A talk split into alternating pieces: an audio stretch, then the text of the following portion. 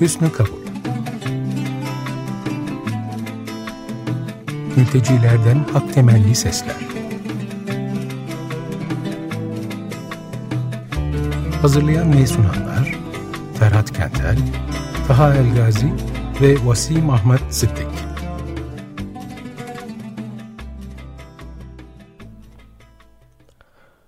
Merhaba dostlar, hepinize günaydın.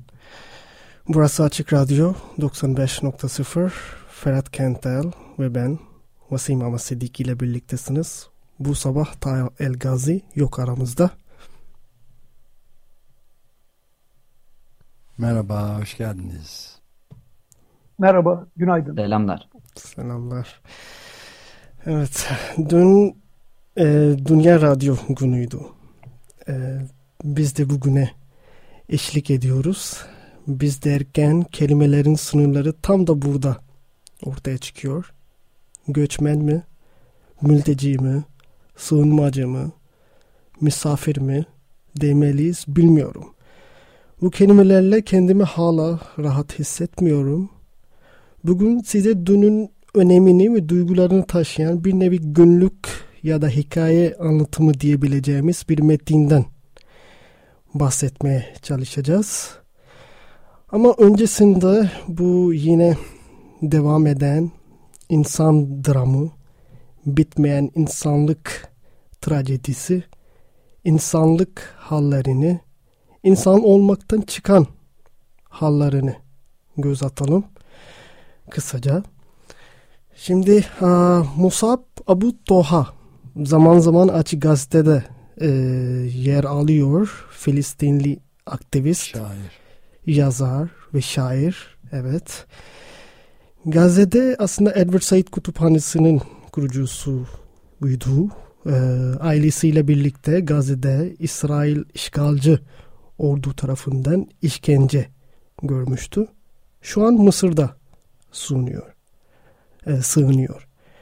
Bugünkü e, refah e, ölü mezarlık için e, şöyle bir e, şey yazıyor. E, çok acıklı bir e, bir durum. Çünkü refaha doğru giden bir fırtına var.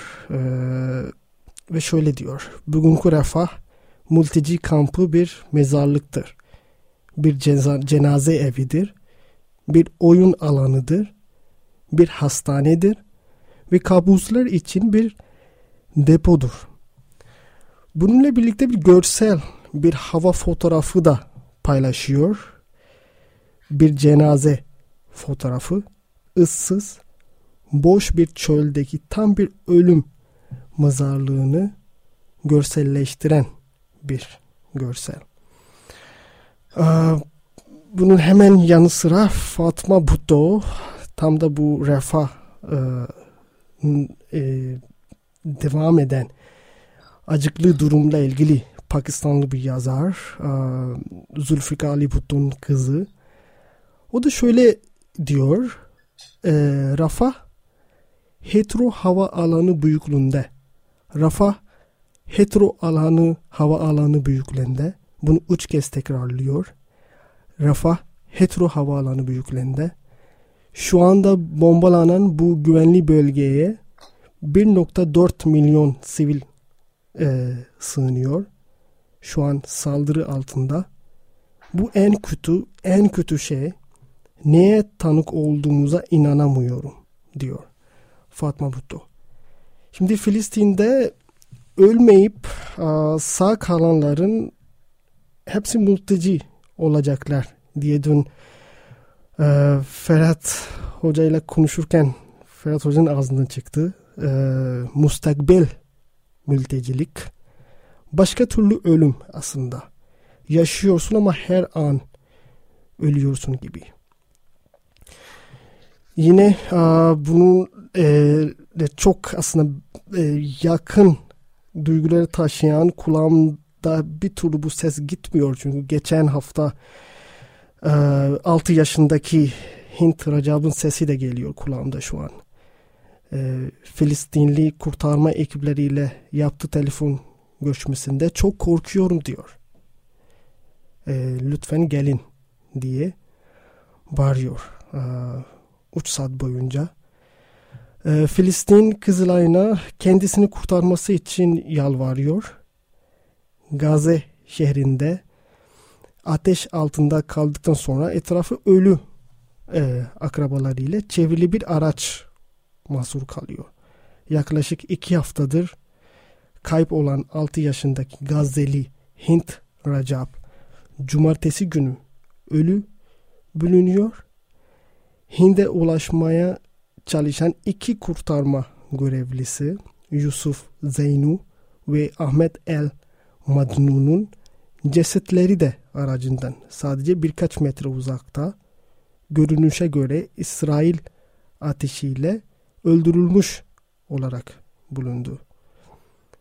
İsrail'in kasıtlı olarak ambulansı hedef almakla suçluyor e, e, açıklamada.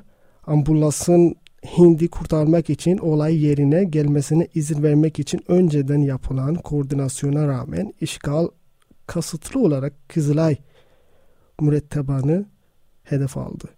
Hind'in annesi Wissam Hamade kızının öldürüldüğünü öğrendikten sonra El Cezire'ye de verdiği röportajında uluslararası eylem eksik, eksikliğini kınıyor. Ee, yani e, evet.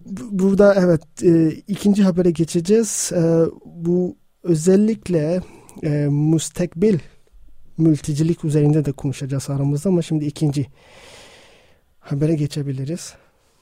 Ee, şimdi e, Vasim senin okuduğun haber e, gerçekten çok somut bir insan, bir küçük çocuk e, hakkında olduğu için e, çok rahat hissedebileceğimiz bir hikaye aslında. Bu herhangi bir kalabalıklara dair bir haber değil. Somut bir çocuğa dair. Gerçi burada da dezenformasyon her zaman e, kullanılabilir. E, hmm. En azından bol bol kullanılıyor. O çocuğun orada ne işi varmış? İşte o çocuğun cep telefonu nasıl varmış bile denebilir mesela. Yani hmm. biliyorsunuz bu tür argümanlar çok sık kullanılan şeyler. Yani çocuğun e, yaşamış olduğu felaketi, o e, ölümü, e, o saatlerce orada kıvranması, yalvarması, acı çekmesi gibi şeyleri yok edebilecek, gözümüzden, duygumuzdan, kalbimizden uzaklaştırabilecek ne yazık ki çok fazla teknik var. Şimdi benim okuyacağım haber de aslında biraz bununla ilgili. Bu, bu da e, işte daha birkaç tane bir şey. Bu Tunus açıklarında mesela bir tekne alabora oluyor ve 13 tane Sudanlı sığınmacı hayatını kaybediyor. Daha önce de 27 tane e, işte bu teknelerde giden insan kaybolmuştu. 2023'te Avrupa'ya geçmeye çalışan 3000'den fazla kişinin Akdeniz'de boğulduğu söyleniyor. Yani 3000 tane insan. Bunların e, çok önemli kısmı işte Sudan'dan e, Sudan'daki iç savaştan kaynaklanan e, mültecilik var. Şimdi şöyle burada bu az önce senin okuduğun bu Hint e, adlı Filistinli çocuğun hikayesinin ötesine geçmeye çalışalım biraz. Yani Hı-hı. o kadar e, evet. korkunç bir şey. Rakamlardan bahsediyoruz. Bir şu kamptaki insanların 10 bin, 20 bin, 300, 400, 500 olduğu tahmin ediliyor. Yani takımda yığınlardan bahsediyoruz. Ya da Erzincan'daki altın madeni kazasında işte şu kadar kayıp var. Yani ya bu insan hepsi Hint, hepsi o çocuk insanlar Ahmet, Ayşe, Fatma yani evine ekmek götürmeye çalışan, işte patronuyla kavga eden, patronuyla işte patronun onu köle muamelesi yaptığı falan falan insanlar yani. Bunlar zaten gündelik hayatlarında bir sürü şey yaşıyorlar. Arkadan açıklamalar geliyor. Yani otoritenin açıklaması kadar korkunç bir şey yok. Otoritenin kendisini temize çıkarması kadar korkunç bir şey yok. Biz işte insan sağlığına çok önem veren bir şirketiz. Biz işte bilmem şöyle bir ülkeyiz. Biz Ortadoğu'nun tek demokratik ülkesiz diyerek aslında sizin öldürdüğünüz, yok ettiğiniz insanların her birinin aslında kendi başlarına suçlu olduğunu bile yaratabiliyorsunuz bu medya manipülasyonu sayesinde. İşte e, bu e, Sudan ordusuyla paramiliter hızlı destek güçleri arasındaki çatışmalar da böyle bir şey. Yani orada bir takım insanlar mesela Zemzem kampı e, diye bir yer var. Her gün yaklaşık 13 çocuk ölüyor, öldüğü tahmin ediliyor. Ya yani bu bunlar bağımsız böyle bir varlık değil ki. İşte bu çocukların e, anneleri, babaları, yaşayan, yaşamayan arkadaşları, konuşmaları, yemeye çalıştıkları bir takım bulamaçlar, bir şeylerle yaşıyorlar bu çocuklar ve bunlar teker teker teker teker her biri ayrı bir trajedi yaşayarak ölüyor bu çocuklar.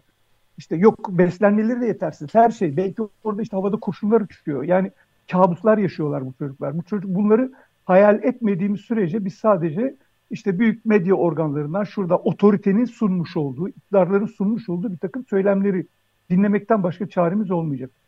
Bu konuda da e, bir e, Martin Griffiths, bu Birleşmiş Milletler e, yardım şefinin bir açıklamasını okuyacağım. Diyor ki, insani dünyada acı çekmenin rekabeti, yerler arasındaki rekabet gibi bir tür müstehcenlik var. Yani benim senden daha fazla acım var diyor ve bu yüzden daha fazla ilgi görmem gerekiyor. Bu yüzden daha fazla para almam gerekiyor. Yani acılar yarıştırılıyor. İsrail'in bütün yaptığı bu değil mi zaten? Ya ben zaten soykırıma uğradım.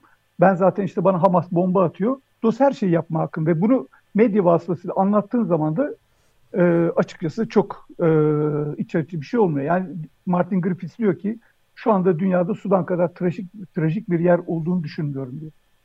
Son buradan da şuna bağlayacağım. Bunu da biraz şeyden e, yani şunu demek, demek isteyeceğim aslında. Empati dediğimiz şey bile paraya ve güce bağlı. Yani eğer gücünüz varsa e, o kadar çok haklısın.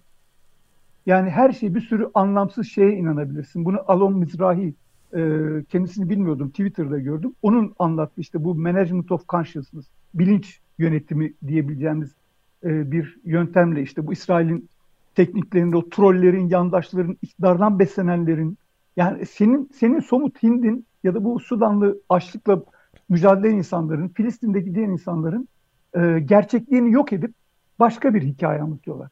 Yani yalan söylüyorsunuz ve bu yalanı söylemek ya ne bileyim dönüp dolaşıp 1984 George Orwell'ın hikayesine tekrar geliyoruz belki.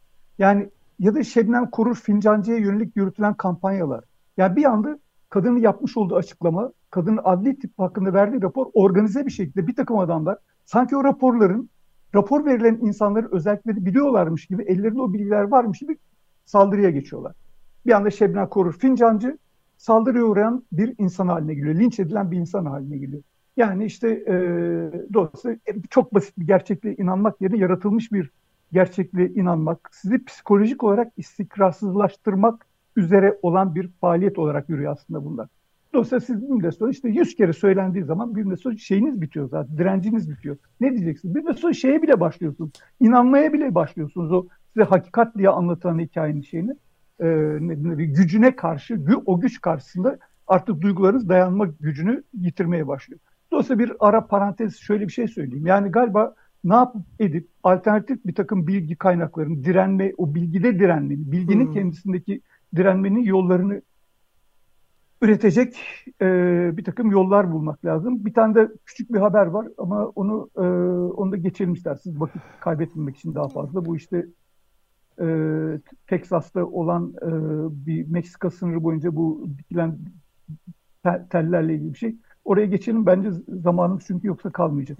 Evet. Ben de ufacık bir şey ekleyeyim izninizle yani bu senin çifte konuş dediğin yani 1984'ten alma bir durumun da e, Almanya Dışişleri Bakanı e, Yeşillerden üstelik Annalena Baerbock'un da mesela İsrail'in refah kara harekatı hazırlığına ilişkin endişelerini dile getirmesi var. Halbuki koşulsuz destek sağlamıştı, açıklamıştı. Netanyahu hükümetine. Şimdi Tel Aviv'e geliyor İsrail'i ziyarete ve İsrail'in kendisini terörizme karşı savunma hakkının olduğunu söylüyor. Ancak bunun halkı topraklarından sürme anlamına gelmediği mesajını vermiş. Yani işte tam bu resmi açıklamaların korkunçluğunun bir başka evet, örneği de bu. Örtüyor yani bütün o aşağıda o ölen Örtmeci, evet. görünmez hale geliyor. Evet çok doğru. Ya e, geçen yayında da aslında bu kelimelerle ilgili zorlandığımız yerler, kelimelerin sınırları ve o kelimeler içinde hapsolma halleri de e, beni zorluyor aslında. E, bu çok e, şey bir durum ve tam da bununla ilgili düşünürken e, ölçekler arasında gidip gelelim biraz. Şimdi evet Filistin'de özellikle bu e, Ferhat Hocam yine o konuya belki geliriz. Bu mustakbel, gelecekte olan değil mi? Mustakbel dediğimizde bu gelecekte olan daha olmadı ama ol, olabilecek ihtimallerini veren bir mültecik hali var. Ee, onu geleceğiz. Şimdi daha Elgazi geldi aramızda. Yaşa. Merhaba Taha. Ee, Merhaba Taha. Herkese günaydın, herkese merhabalar. Şimdi Taha Hoca ile hemen şu özellikle geçen hafta yine Taha e, Hoca'nın paylaştığı bir haber vardı. Şu Suriyeli bir mülteci İzmir'de e, öldürülmüş bir e, Muhammed e, Yasir Elati.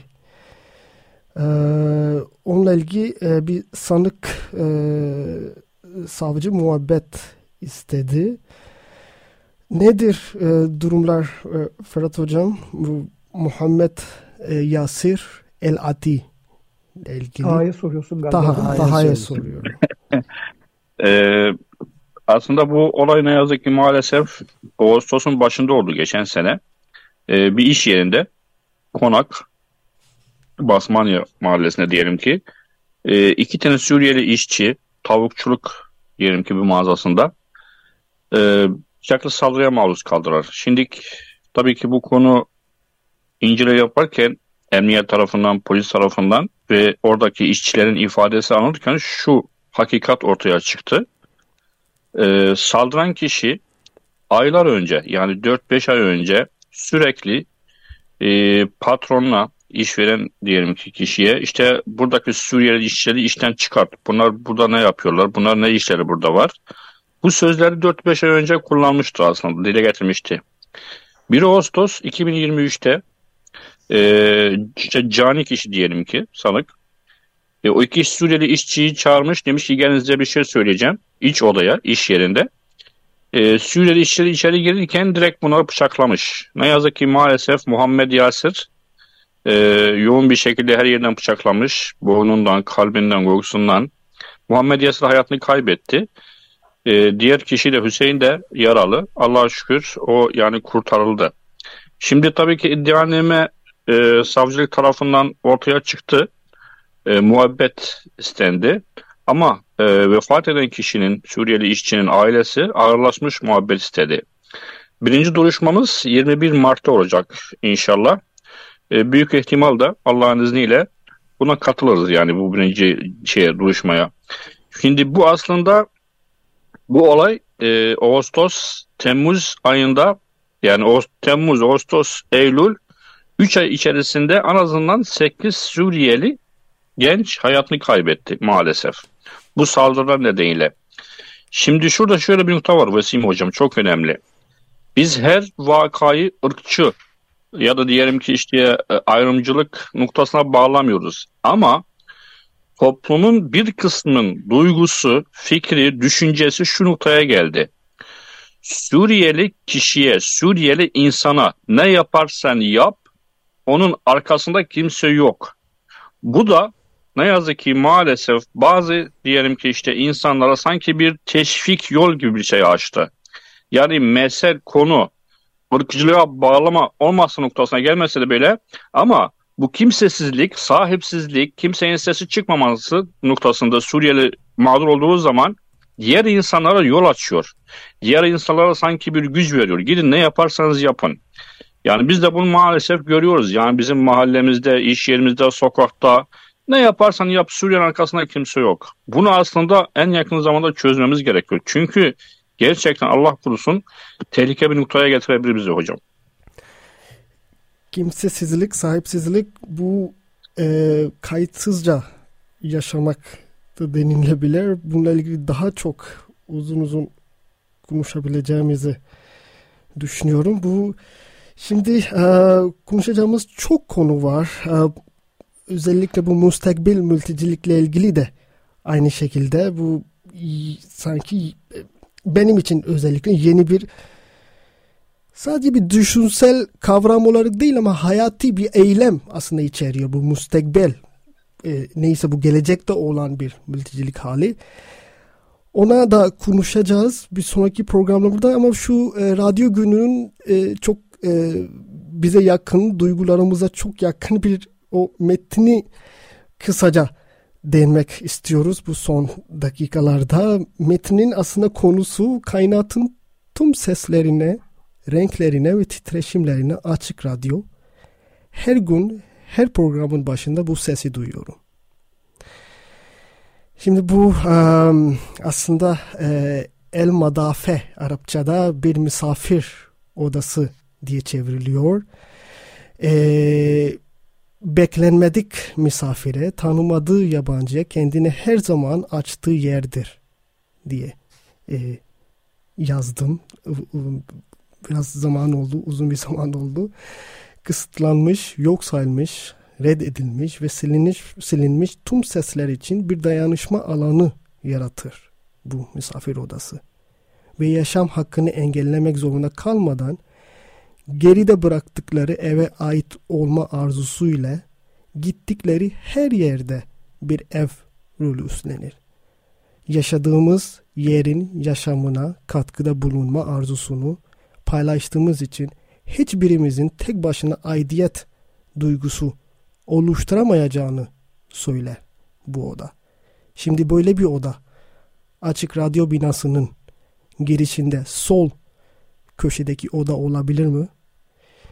1 Ocak 2007 sabahı tam 2.45'te 3'e 15 kala küç, küçük bir günlüğümde kendimi sorduğum bir soruydu. Arada 17 sene geçmiş. Bugün bu deftere tekrar baktığımda içimden bir ses alçak sesle diyor ki evet o oda tam da açık radyo binasının sol köşesindeki oda. Kainatın tüm seslerine, renklerine ve titreşimlerine açık radyo her gün her programın başında bu sesi duyuyorum.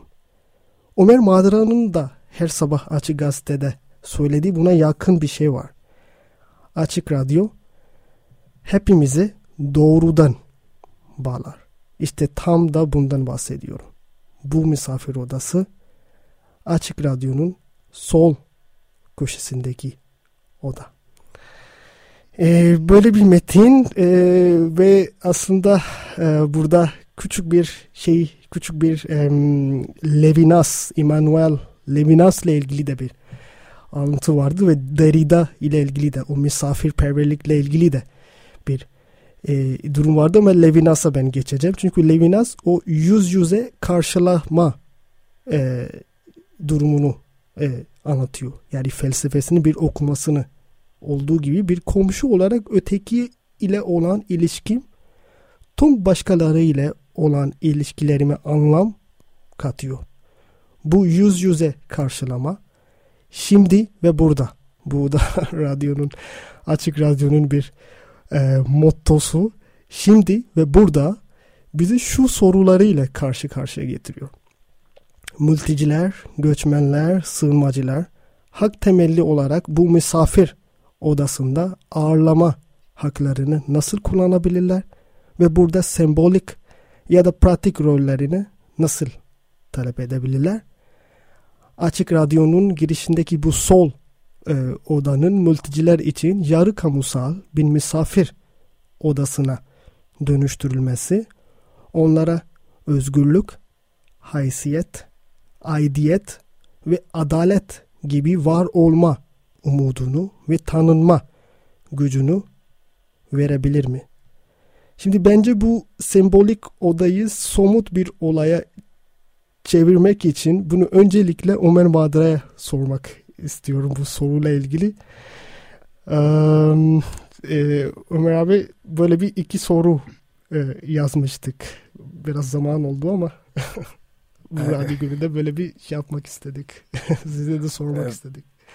Bu soruları çok kolay değil tabii cevaplamak. Yani e, bu konunun sürekli olarak gündemde tutulması ve adaletin devam ettirilebilmesi için en önemli şey hakikatin e, çarpıtmadan yansıtılacağı bir yer olmak. Yani bence radyonun ve bütün medyanın e, esas birincil fonksiyonu bütün bu ağır taarruz altında olduğu da söylenebilir. Yalan haberlerle durmadan konuşuyoruz.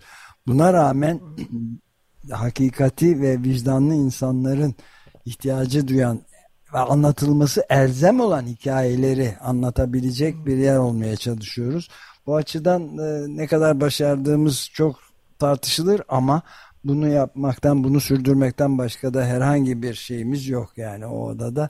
Yani biraz önce bir dinleyiciden de çok hoş bir mektup geldi bir saniyeyle hmm. ondan da bahsedeyim. Lütfen. Yani uzun zamandır 19 yıl olmuş sizi dinliyor, destek oluyor. Programcılarınızı, programlarınızı yakından takip edip buna dikkat ve ilgi gösteriyorum. Benim için diyor vapurlarda bir radyo olarak yola çıkan açık radyo yıllar içerisinde bir ülkeye, şehre, sokağa, bir buluta, bir yağmura, bulutlardan ağlayamayan yağmura, güneşe, sıcaklığı bir yana bizleri yakıp kavuran o güneşe, yerlere, topluluklara, etniklere, etiklere, ahlaklara, kelimelere, kelamlara, anlamlara en sevdiğim kitaba dönüştü. Dönüştü ama hep bir radyo, hep bir küçük kutu, hep var olan, var eden o üstündeki danteliyle aman toz gelmesin ki toz maalesef artık her şey olabilir dediğimsin diyor. Hoş değil mi mektup? Çok çok güzelmiş. Gerçekten çok, çok hoş, güzelmiş. Çok, çok ben de hemen bir cümle söyleyeyim burada. Lütfen, lütfen. Ee, yani bu e, Açık Radyo'nun herhalde e, her odası e, böyle ama bizim galiba özel bir ayrıcalığımız oldu. Bu sol e, taraf e, dediğim göğsümüzün sol alt köşesi e, kalbimizin ta kendisi biraz böyle açık e, açık radyonun e, sınırları aşan açıklığı gibi bir yere tekabül ettiği için ben de kendi payıma çok bundan inanılmaz gurur duyuyorum ve çok mutlu oluyorum. Böyle bir gerçekliğin inşasına e, ucundan da olsa katkıda bulunduğum için. Çok teşekkür ederiz valla. Hepimizin Dünya Radyo Günü kutlu olsun diyelim. Ne diyeyim? Evet, hepimizin radyo günü kutlu olsun. İyi ki varsın Açık Radyo diyerek bugünkü programımızın sonuna geldik. Aa, haftaya çarşamba günü yine saat 9.30'da görüşmek dileğiyle. Herkese çok teşekkürler. Görüşmek üzere, hoşçakalın. Görüşmek üzere, herkese teşekkür ederiz. Görüşmek üzere.